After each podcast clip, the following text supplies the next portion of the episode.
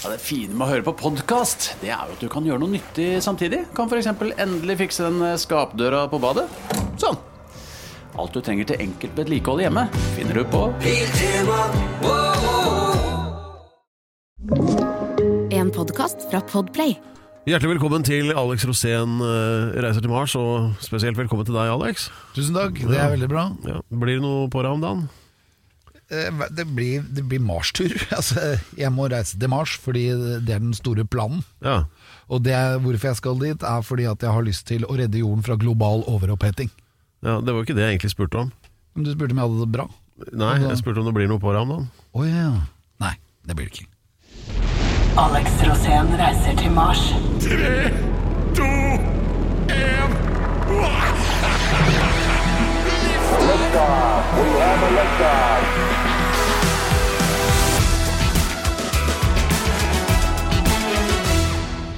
Og idet vi har fått eh, klarlagt eh, det vesentligste når det gjelder ditt liv, eh, Alex, da kan vi jo ta en titt på hva dette programmet, eller denne episoden av denne podkasten skal dreie seg om. Og det er, det er ganske mye.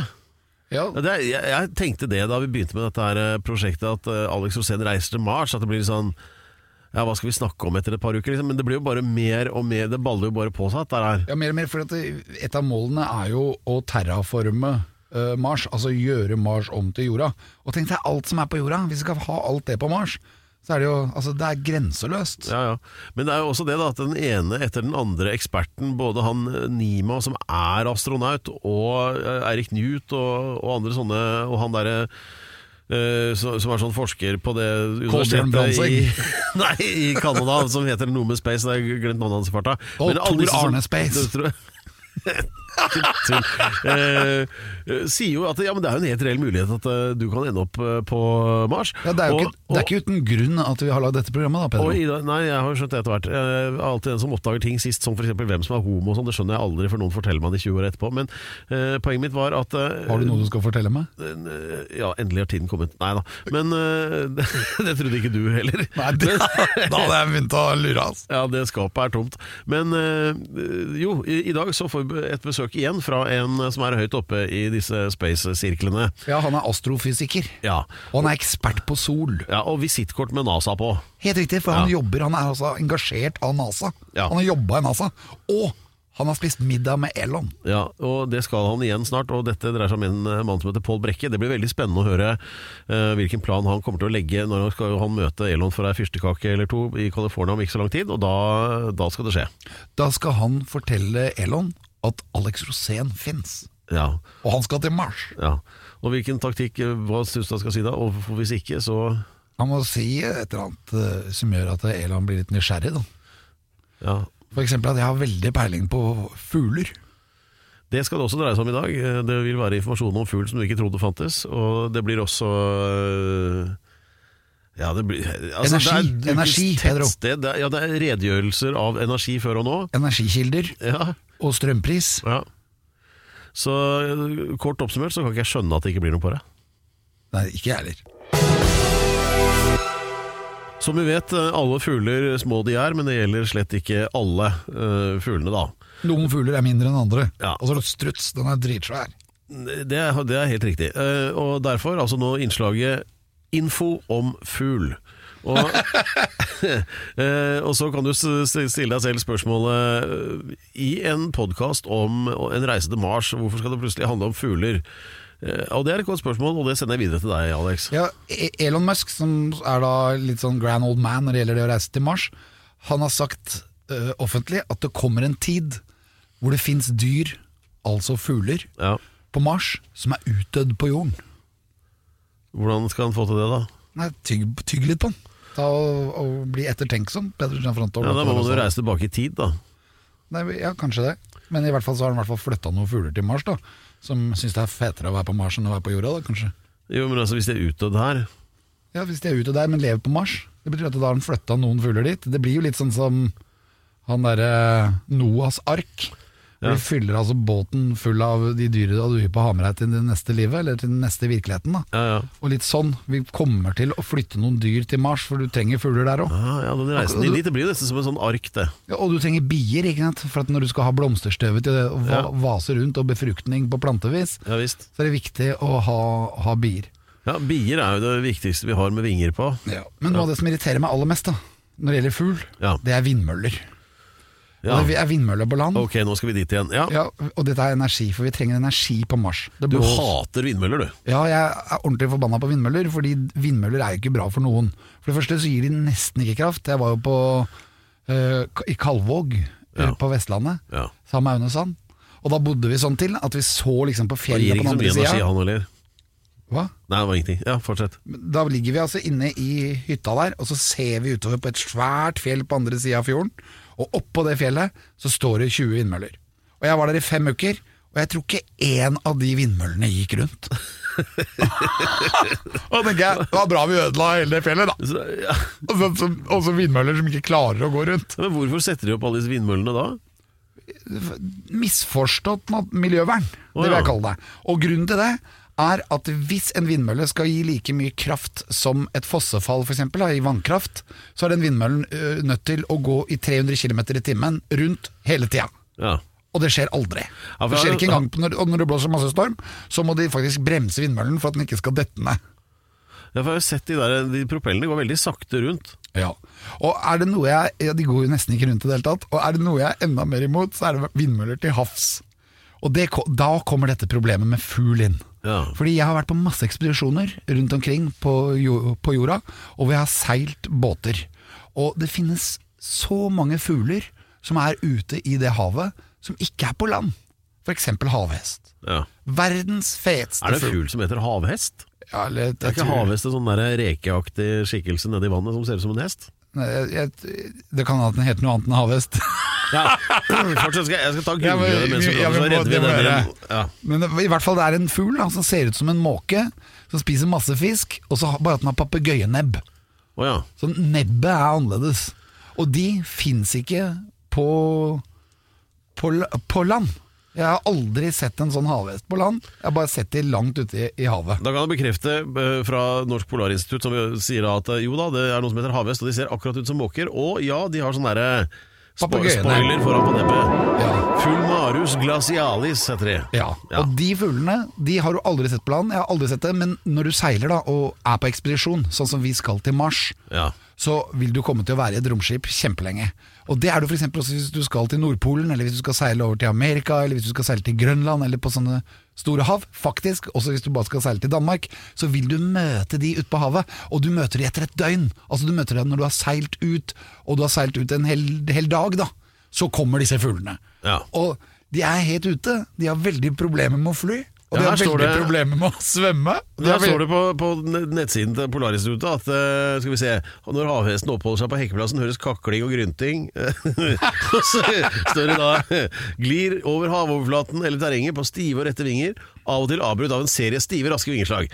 Den flyter høyt når den svømmer, men den må ta springfart for å klare å lette fra sjøen. Ja, for de er litt kålete, de fuglene. De- De har problemer med å fly. Du sa det er en klønete fugl. Ja.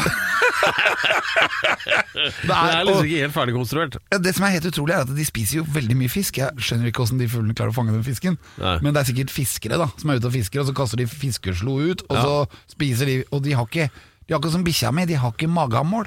Så de Nei, nei. eter og eter Så og lenge det er mat, så eter de, ja. Ja, og så husker jeg når vi seilte opp mot Nordpolen, så så vi de fuglene. Og så lå de da kanskje 1000 sånne fugler rundt. Og så hadde vi litt morsomt, da, da tenkte vi vi seiler imellom dem. Og når du gjør det, da, så, og da har de spist så mye fisk Ja, Akkurat og på da, samme måte som Carl Gustav kjørte den selflokken med båten sin. Ja, ja, Og så prøver de da å lette. Ja. For at de, de vil jo lette, for at de er redde for at du skal Nei, kjøre på dem. de har akkurat proppa seg med mat og Ja, men ligger Du og vet jo ikke det, da. Men grunnen til at jeg vet det, er fordi at det, som skjer, er Dette er, at de, dette er dårlig gjort av ja, deg. men de begynner å lette. Ja, men det er nesten umulig. Vi har jo vår kurs. det er mob mobbing av fugl, er det. Nei, for vi, vi prøver ikke å plage dem, de ligger jo bare der og flyter. Og vi er jo på vei den veien. De kunne jo egentlig bare slappe av. Ja, men skal vi seile liksom mange mil det, det, det er ikke poenget med den historien. Poenget er at når vi kjører inn, så prøver de fuglene å lette. Og idet de letter, så har de spist så mye fisk at de begynner å spy. For de klarer ikke å lette. Nei, nei. Og så, så, så, Gjør ikke det! Gjorde- de Ja, det? så ser du de fuglene, og de, det var sånn som du sa, de klarer ikke å lette, og derfor løper de bortover vannet og prøver å lette. Og spyr. Og, og spyr. så for meg så var det så insane, og det skjer hele tida, fordi fuglene er overalt. Og da tenker jeg, skal vi putte masse vindmøller til havs, åssen skal det gå med de fuglene som nesten ikke klarer å lette? Ikke, og de flyr jo, de har jo nesten jeg tror ikke de ser så mye heller. Og så skal de begynne å vase rundt. Og med da vindmølleparker som skal være på størrelse med Danmark. Det er, det er rett og slett misforstått naturvern. Det blåser for lite, det er for lite kraft til det, og vi må gjøre som eh, Elon sier. Ja. Vi må bygge solcellepaneler. De ligger stille, og solen er mye jevnere. Den er hver eneste dag. Den er ikke sånn som vindmøller. Eh, Fordi det blåser altfor lite til at vindmøller skal gi noe kraft. Så da må du ha 100 000 av dem, og så skal de ikke gå rundt engang. Men så, så i og med at vi da har eksempel denne havhesten en klønete fugl, så vi fant ut at de flyr vel da rett inn i disse propellene, de da. Ja, det er det de gjør. Og ikke bare dem, alle andre fugler òg. Sula, havsula. Ja. Nå er jo den litt mer våken enn havhesten, da, for at den, den er faktisk en jeger som er drøy. Du ser jo de når de fanger fisk, så styrter de jo ned fra 100 meter oppe. Ja. Og så har de sånn ben som går litt oppover, altså nebbet går litt oppover, så du ser at det, den ser ut som et jagerfly. Men det gjør jo ikke havhesten. Havhesten har jo helt andre problemer. For den klarer jo nesten ikke å fly. Og så, når den har kommet seg opp da, og flyr, da flyr den jo helt nydelig, for da, da jo, har den jo letta.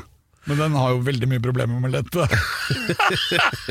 Særlig, jeg- særlig etter en 12-13 kilo laks. Og Derfor er jeg hypp på å brenne en fakkel for havhesten og si at vindmøller til havs kan erstattes med solcellepaneler. Det var det jeg ville si! Ja, takk for det. Ellers så er det jo da i denne serien Info om fugl, så hørte jeg en bra en om Det var en eller annen sånn type sjøfugl i Australia.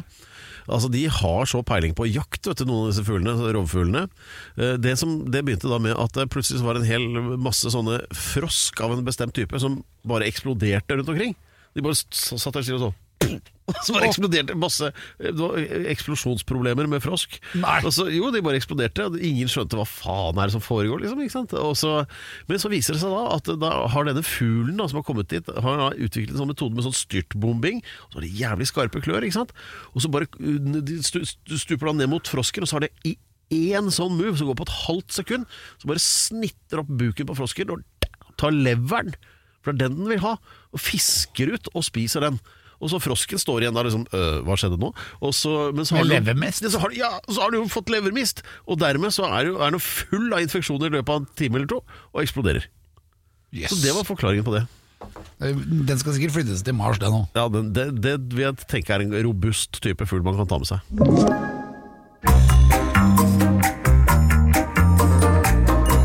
Ukens Tettsted. Ja, som den eh, kresne rytter vil ha lagt merke til, det er jo et eh, land med tettsteder tettere enn haramøkk, eh, uansett hvilken retning du reiser i. Og alle disse har jo Alex da etter hvert opparbeidet nære relasjoner med, og er på fornavn med samtlige innbyggere i. Ja, Norge er faktisk dominert av tettsteder, vil jeg si. Det er jo i grunnen det. Så øh, er jo ideen da at øh, blant disse så er det noen perler Ja, som fortjener få- å bli kopiert og satt opp igjen på Mars. Ja, helt riktig. Skal vi få hjemmefølelse på Mars, så er vi nødt til å ha et par tettsteder der. Ja, og øh, I denne serien så har vi jo allerede veldig mange gode kandidater til det som til slutt kommer til å da bli årets tettsted. Ja. Ja. Så hver uke så er det et nytt tettsted som hentes frem i lyset og kjeles med verbalt av Alex. ja. Og denne gangen så har vi tatt for oss det som er litt morsomt med Norge. da. At Norge har masse piratholder. Jaha. Altså tettsteder som er skapt i Norge pga. piratvirksomhet. Ok. Ja, for piratvirksomhet var jo tillatt eh, på, for ikke så veldig lenge siden. Det var Ja. til og med opp, oppfordret til og lønnet av myndighetene for å drive kapervirksomhet, som det Ja, helt riktig, for det var bedre enn sjørøver. Ja, men at eh, Det var jo en måte å skaffe seg cash på. Norge var jo raka blakke, myndighetene også. Så da var det sånn der Ja, hvis dere klarer å knerte et engelsk skip, så ta nå det, for da der er det spenn. Og har du muligheten til å reise til et av disse tettstedene, Ja. som altså ligger i havet, ute i havet nesten, Ja. så må du bare gjøre det. For noen av de er så vakre. F.eks. Lyngør. Ja. Et utrolig tettsted som nesten er definert som by, som også burde ha vært på Mars. Ja. Det er ikke de som har vunnet denne gangen. Nei. Du har et annet et. Nyksund, f.eks. Oh, ja. I, uh, oh, i. Vesterålen. Fantastisk tettsted. Typisk piratholde. Ah. Og det man gjorde Det er litt, de er litt pirater, de som er der nå. Ja ja. Du, nesten hele landsdelen, spør du meg. Men, men jeg elsker jo det. Jeg elsker jo sånne tettsteder. Jeg elsker folka som bor der, og jeg elsker historiene. Veldig mange av disse uh, sjøhusene er jo bygd av skipsdeler fordi uh, båtene blei lurt til å gå på grunn. Man var litt blakke, man hadde ikke tømmer. Og så flytta man rett og slett fyret fra den ytterste holmen Ja. litt inn på land. Sånn at når eh, båten kom båten. Så når båten kom seilende, så hadde den ikke en mulighet, og bang! Så gikk den på grunn! Den sleip, og, og da bare venta de til den båten. De, de redda jo folk, alltid folka om bord, selvfølgelig, for det er jo eh, en forpliktelse man har når man bor nærme havet. Så de reddet Særlig etter at du har flytta opp Men, fyret. ja, men båten ble jo knust til pinneved, Ja. og da vips så hadde de til et par nye hus, da. Ja, materialer, ja. Ja. Og dette er, sånn ble disse stedene skapt. Sørvær, for eksempel. Ja. Eh, og over hele kysten så fins det sånne fantastiske ytterste nøkne øplasser. Og det er akkurat der vi skal denne gangen. Så det, det er så, altså Hvis du hadde tatt dyna fyr, da, så satt litt sånn uh, oppi Sørkedalen så, Ja, så hadde jo den Så bare vært å forsyne seg. bang i Aker Brygge. Color Line bare tredd inn på Bygdelandet. Ja. og vips hadde du hatt byggematerialer til å bygge en Den by. hele taxfree-avdelingen bare vært rana på ti minutter. Ja, og dette her skjedde jo massivt på 1600- og 1700-tallet. Ja, visst. Før kongen sa Kongen la ned eh, en lov hvor han sa det at alt vrakgods er kongens eiendom. Ja. Det var nødt til å si. Og hvis dere stjeler det, så havner dere eh, i hjul og steile. Som var å Ja. lime deg på et hjul, drar deg 18 meter opp i lufta og bang i bakken og radbrakk deg. Det betydde å knuse alle beina dine, og vips, så var du dømt. Det var mer trøkk i de der eh, forenkla forelegga før i tida. Det var det. Men nå er vi på nåtid, og vi er i ukens tettsted. Ja. Og ukens tettsted, mine damer og herrer, er Mærdø! Mærdø, Mærdø, ja. der, der var vi rett på. Uh, hvor i landet er vi nå? Da er vi ved utseilingen av Arendal. Mellom Ah, der har jeg vært. Det er der det er sånn biologisk mangfold. Helt sikkert. Jo, men det er, jo kjent for det. Ja, det er jo biologisk mangfold på Hovedøya. Ja, men det er sånn der, det er veldig mye ulikt. Det er et eller annet sånt noe. Ja, det er veldig mye ulikt der. Ja. Men det, du har Hisøya på den sida, som er vidt forskjellig fra Tromøya på Ja, den andre sida. Og akkurat i det sundet der seiler du forbi Mærdø, som er et fantastisk tettsted. Som minner meg om gamle dager, og som er en ordentlig piratholde. Ja, det er jo ja, det Jeg lurer på om ikke var så vidt i land der i fjor sommer. Altså, det, det, det går sånn liten ferje fra Arendal og ut dit, ikke sant? Sånn eh, Ja, og den, sommeren. den går også til uh, Torbjørnskjær, eller hva det heter for noe på andre sida. Ja, det er også noe som heter der. Ja. Men eh, det kan hende at det går en ferje til Merdø. og for alle vil jo dit, for det er et veldig nydelig sted. Ja. Ja, det er jo Ja, for det er en sånn nasjonalpark-action utpå der. Ja, Så gratulerer, Mærdø. Ja. Dere er ukens tettsted. Ja, Veldig idyllisk sted, altså. Det vil jeg si. Og noen litt kjipe grunner utafor. Altså, det er fint å få tredd på de der eh, båtene som piratene vil ha tak i. Ja. Jeg skjønner sammenhengen. Ja. Mærdø, gratulerer.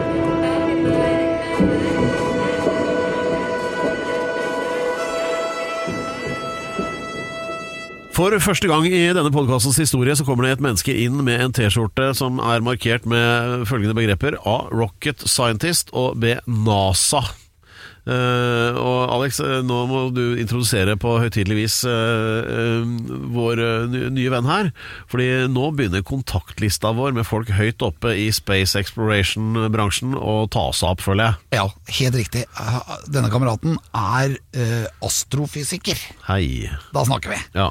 Han, har, han er doktor Det òg, ja. i astrofysikk. Og Du har et sånt utslett på og Det er kanskje ikke sånn, doktor? Nei, men doktor på stjerner og planeter. Jeg skjønte det. Og kanskje aller mest stjerner, for han blir kalt solfysiker. Han er ekspert i solens ultrafiolette spektrum. Oi.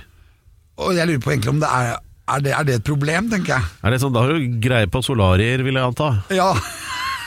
Mine damer og herrer, her er han, astrofysiker Pål Brekke! Hei! Tusen takk. Wow! Utrolig på at du kommer. Jeg har jo vært sammen med deg før. Ja, Vi var på scenen i, på Oljemessa. Eh, Ja.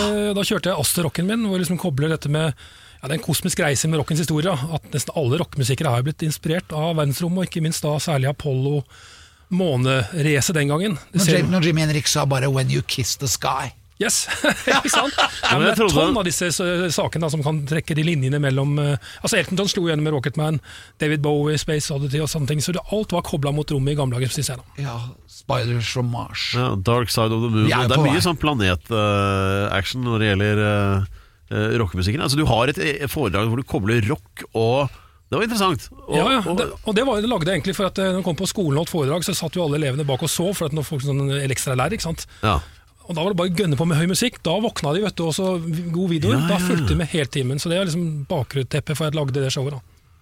Ja, det er tøft. Ja, Det som er, det det er som, helt rått. men bare, bare for å gå direkte til eh, selveste ja, hele rosinpakka i pølsa i grunn, så er det jo sånn at eh, hele denne podkastens eksistens, og jeg vil nesten si eh, tittelinnehaverens eksistens også, baserer seg på én ting, og det er å få reist til Mars.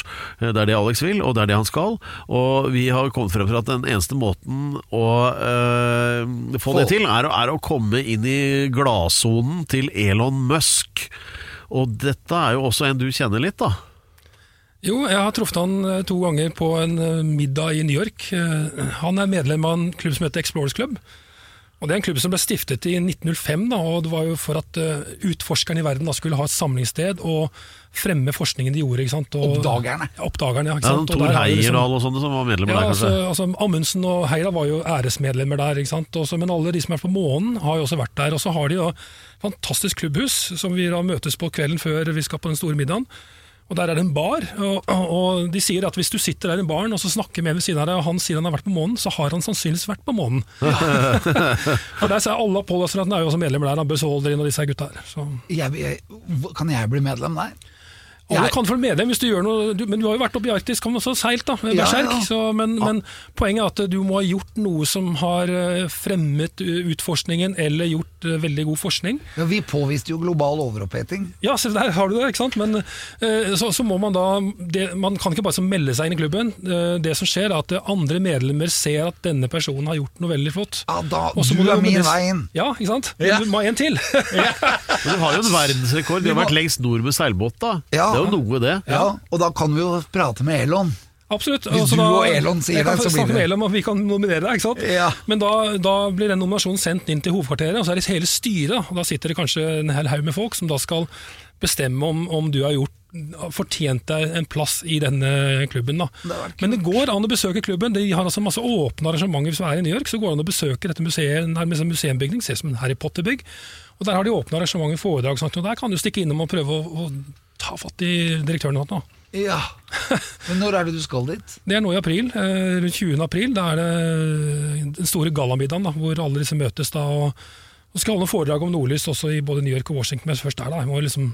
Aurora borealis. Men det, for å bare holde litt sånn blikket på den ballen der, at eh, hva vil du si er en klok fremgangsmåte for Alex for å komme inn i denne sonen her? Og, det er, for det er Elon Musk som er nøkkelen, tydeligvis. Og for å komme til Mars. Ja, for, for at han skal Altså, bli interessert i Alex, sånn. eller for at de skal bli aller aller beste venner, for det er det du egentlig vil, Alex. ikke sant? Ja, men jeg vil aller mest til Mars. Ja. Ja, eh, Mars, det er, altså det er ikke enkelt å komme til Mars. Eh, det, det vil ta tid, og det er farlig å reise dit. Eh, bare lande på Mars er litt vanskelig. Ikke sant? Halvparten av de som har landet på, eller sondene har jo blitt eh, gått i stykker eller bomma på Mars. En annen ting som ikke folk tenker så mye på, er at hvis vi skal sende folk til Mars, mange da, så må du bygge noe infrastruktur først. Altså Du, kan, du må ha et sted å bo, gjerne under bakken, for det er mye stråling.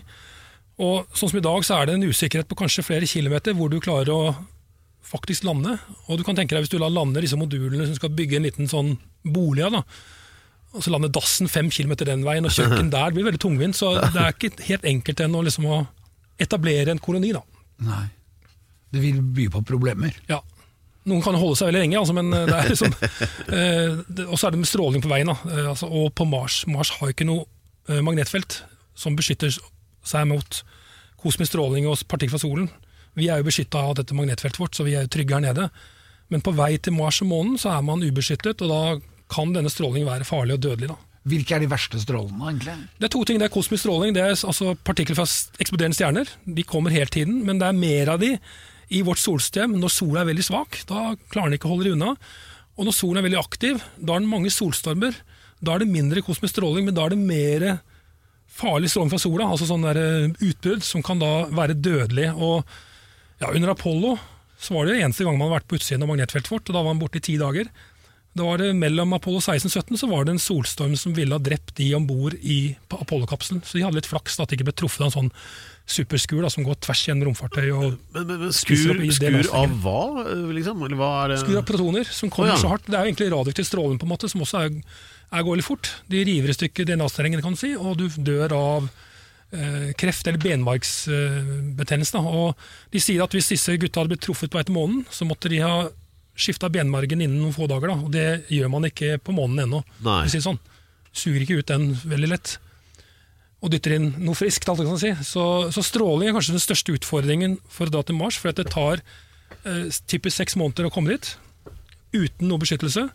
Romfartøy beskytter litt, men eh, selv de strålingene går også gjennom metall. da. Så Man snakker liksom om å kanskje beskytte ved å legge at det er en sånn vanntank som er som en termos. At du kan gå inn i den vanntanken, og så i midten. Da Da vil disse strålene bli stoppet av vann. Eh, Og de stopper oss i kroppen, for vi har mye vann. da.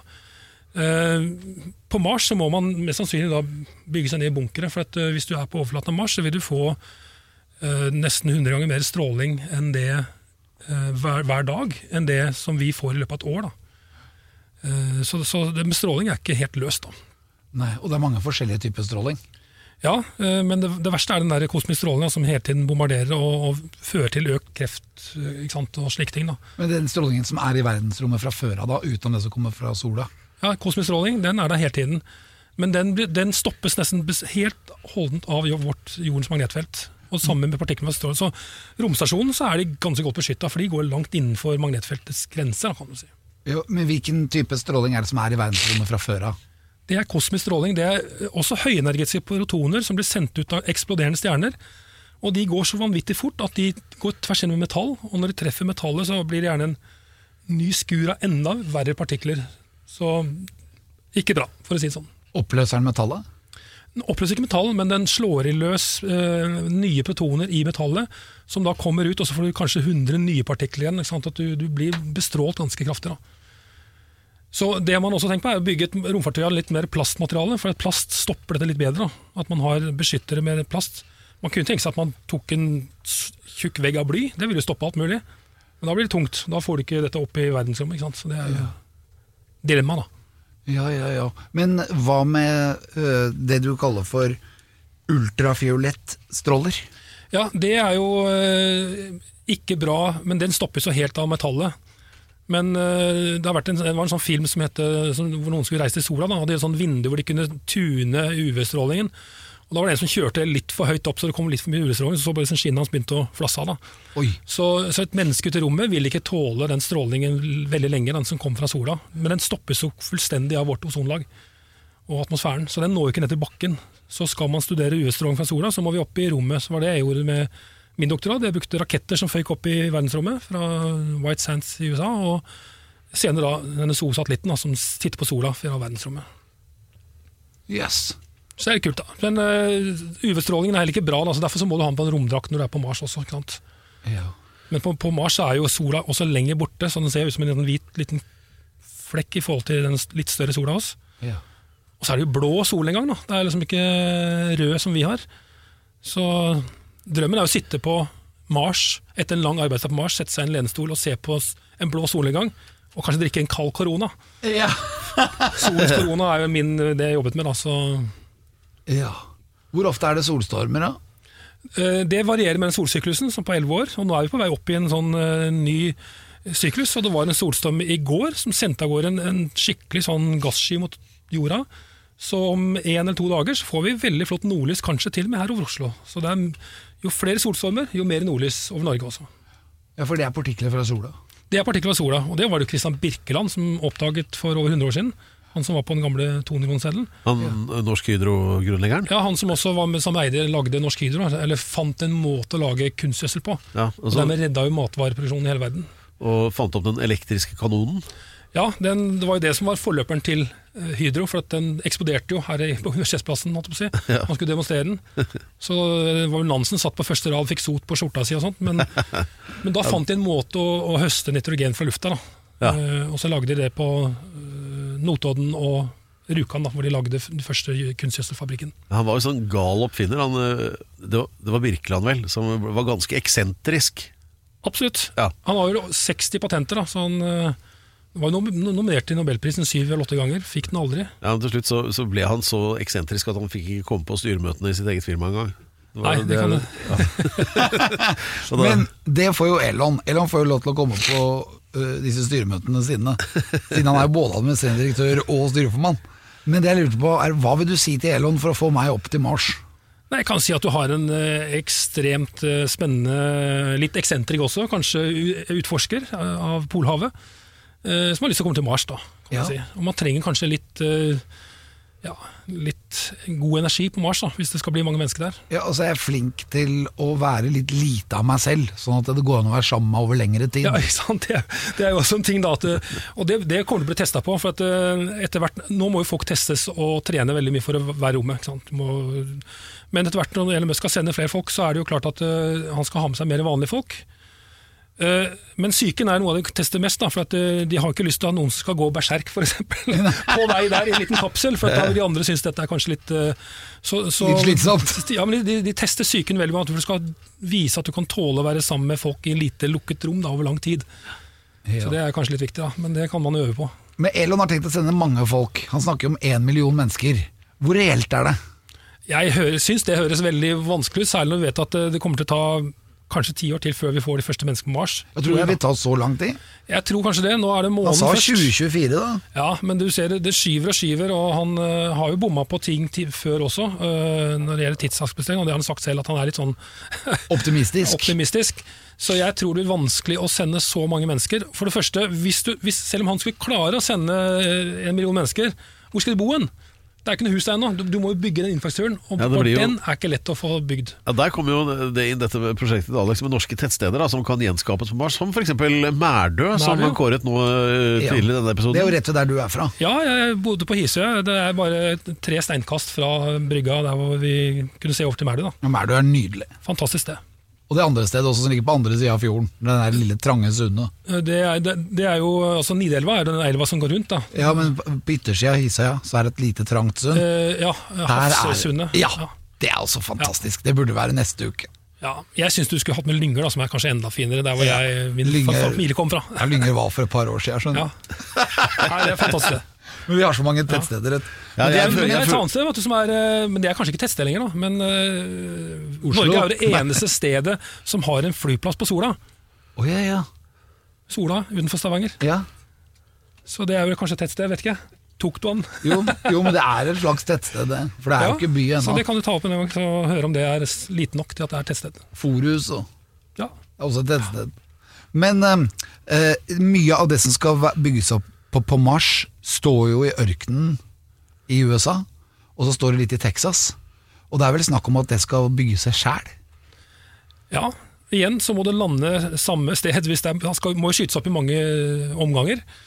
Og så må du jo da håpe at det lander på samme sted, for ellers må du få frakta det sammen etter hvert. Så derfor sier jeg at det er, det er mange ting som ikke er løst ennå når det gjelder å kolonisere Mars. da. Han har jo bygget Starlink i, i Norge, holdt jeg på å si, rundt jorda. Ja, hele verden. Dette er jo dette internettsystemet som, som går opp. da. Ja, og det har han tenkt å bygge på månen nå, og han har tenkt å bygge det på Mars. Og det er rett og slett fordi at uh, autopiloten uh, på disse romskipene skal treffe samme sted. da. Ja, jeg, jeg tror kanskje det er for at eh, hvis han skal ha med en million mennesker her, så er det ingen som har giddet å dra til Mars uten internett og sett på Netflix og sånne ting. da, tror jeg da. Ja, det tror jeg er minst like viktig grunn, ja.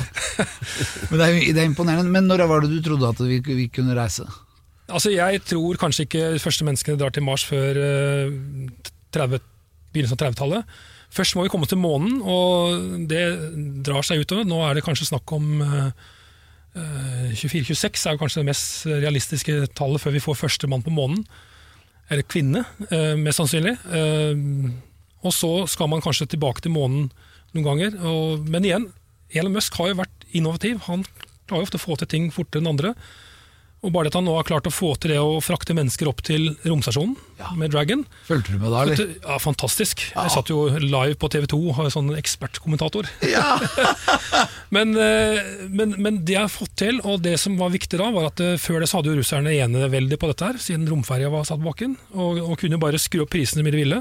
Plutselig kom Elon Musk da med, med billigere flighter og sånt, og slik at amerikanerne kan basere seg på eh, amerikanske raketter igjen. Da. Og det er, jo- akkurat nå er det veldig viktig, for nå er det jo litt krig og litt bråk eh, når det gjelder eh, Russland. Da. Har du fått med deg spaceshipa?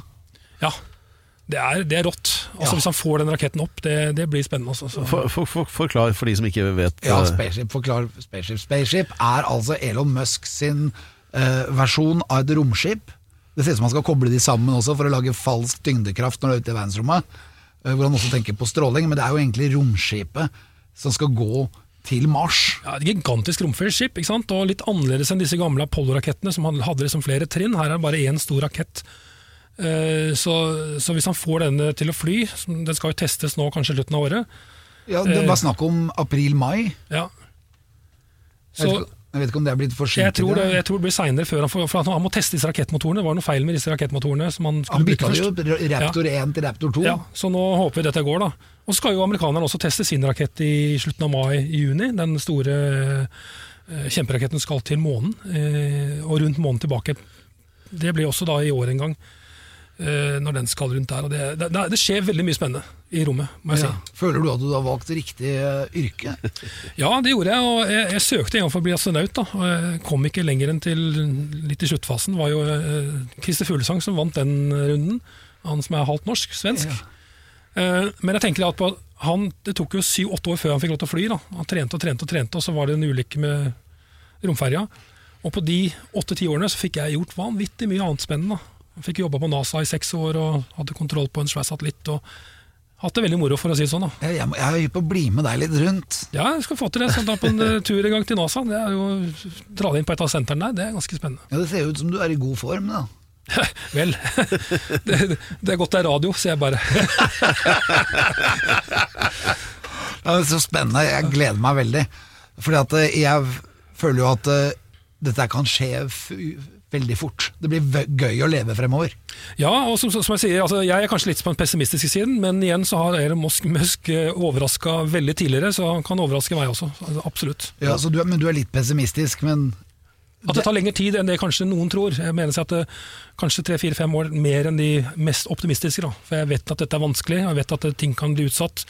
En liten feil på den raketten, ikke sant? og de får ikke til første testflyvning, så blir det kanskje et år eller to ny tester før de kan sende opp en ny testrakett. Så det er det at det, det, ting tar tid, altså.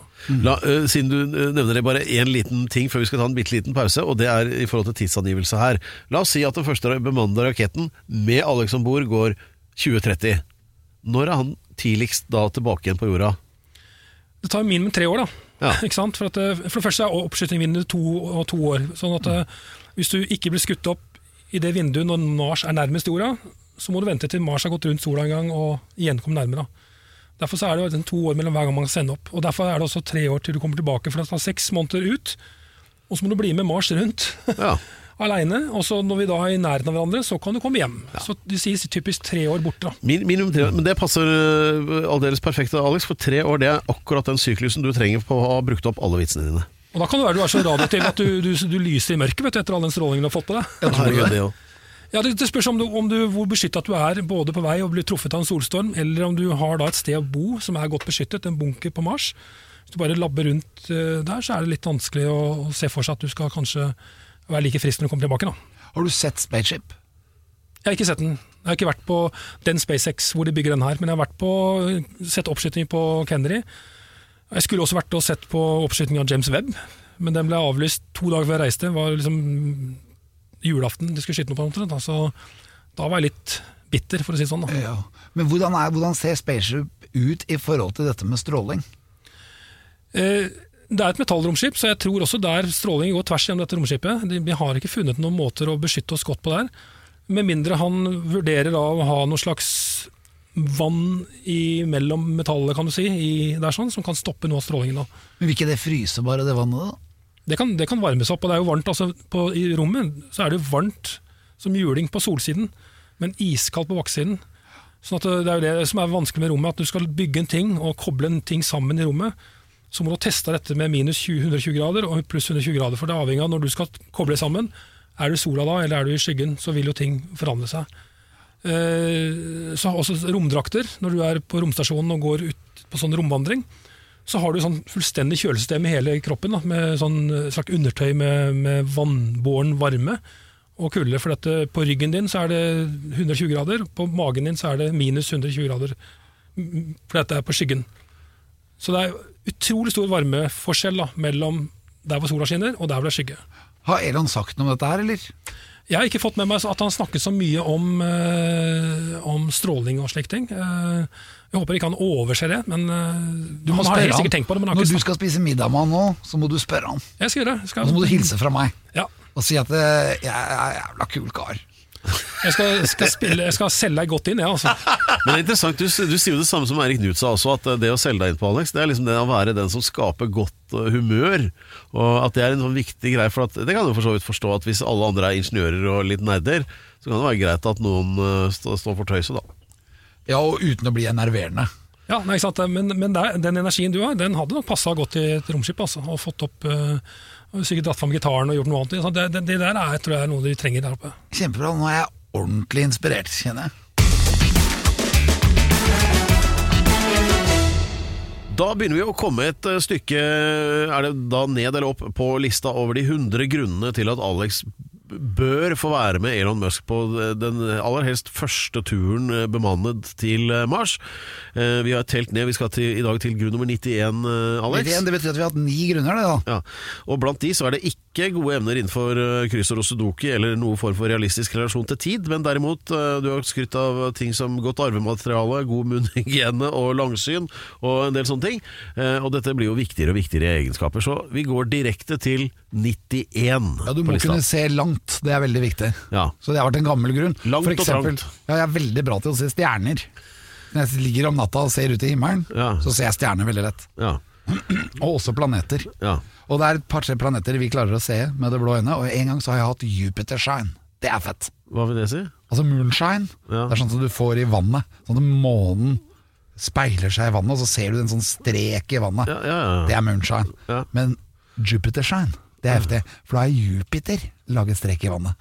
Og. Da skal du ha ganske rolig i vann, for Jupiter er ikke så stor. Den kan uh, misoppfattes som en stjerne, men den er jo ikke det. Den er en planet. Det er den største planeten vi har, og den er magisk.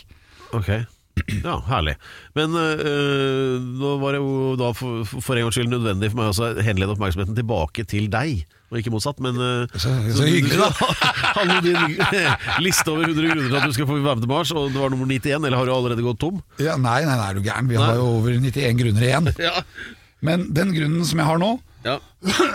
Det er øh, det er en veldig viktig grunn. Ja. Og det er kanskje den jeg vil si den beste grunnen. Det burde kanskje vært nummer én. Fordi at det er, dette her dreier seg om noe jeg har i meg, og som jeg har hatt lenge. Et eksempel- virus? Nei, jeg har aldri gitt meg. Jeg har aldri oh, ja. gitt meg med noe. Dette er, altså jeg jobbet, jobbet i NRK i 20-30 år og fått sparken 20 ganger. Ja, sånn cirka hver, hver sommer.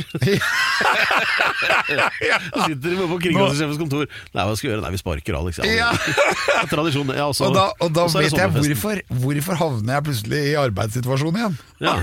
Og da mener jeg at det er min grunn. Ja. Det er nemlig stamina. ja. Evnen til å være til stede hele tida, Ja. og ikke gi seg. Gir aldri opp. Helt riktig. Ja. Og det mener jeg det er en veldig viktig egenskap som du må ha med. Det betyr at når f.eks. noe går i stykker i romraketten, så Ja. fikser vi det. Og så som jeg tenker Når jeg, når jeg seiler i med båten min, så plutselig begynner det å lekke vann et sted. Da er det ikke noe snakk om at jeg desper eller noe. Da går jeg rett på saken og løser den. Og Hvis du har da tanken i huet at jeg går aldri ned, jeg har aldri problemer med noen ting, jeg fikser alt, det er den beste egenskapen, og den egenskapen har jeg. Stamina. Aha, og behovet for det om bord i en sånn eh, romkapsel, det, den skjønner alle som har sett den Apollo 13-filmen. Ja, eller Mars. For der uh, tvinna de jo sammen uh, en sånn uh, styremodul av en fiskepudding og noe tyggis, og så fikk til å lande, da. Ja. Det var det der Houston we have a problem-situasjonen. Stamina, samme de har i Ukraina nå. De gir altså aldri opp. De gir aldri opp. Nei, de gjør ikke, de gjør ikke det der heller, nei. Nei, og det, har du den følelsen inni deg at jeg gir meg aldri, så skal du få til mye her i livet. Og det er det jeg bare sier til alle. Stamina er fett å ha. Da skriver vi det på 91. Stamina. Gratulerer, Alex. Da må du tenke ut en ny til neste uke.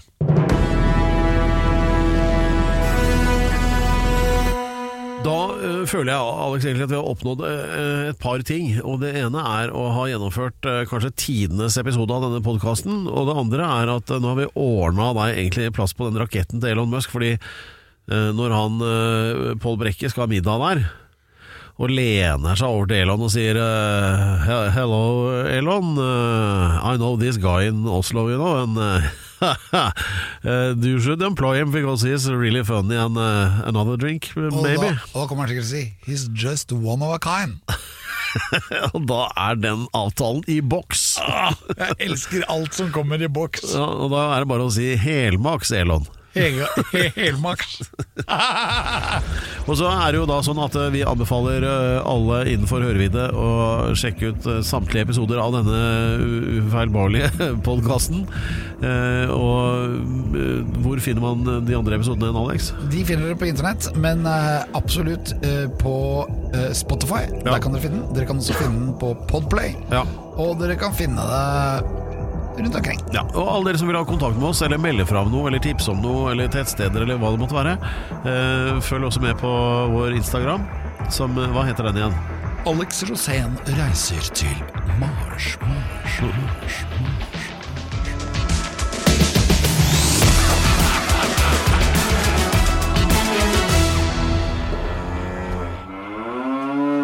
Du har hørt en podkast fra Podplay. En enklere måte å høre podkast på. Last ned appen Podplay, eller se podplay.no.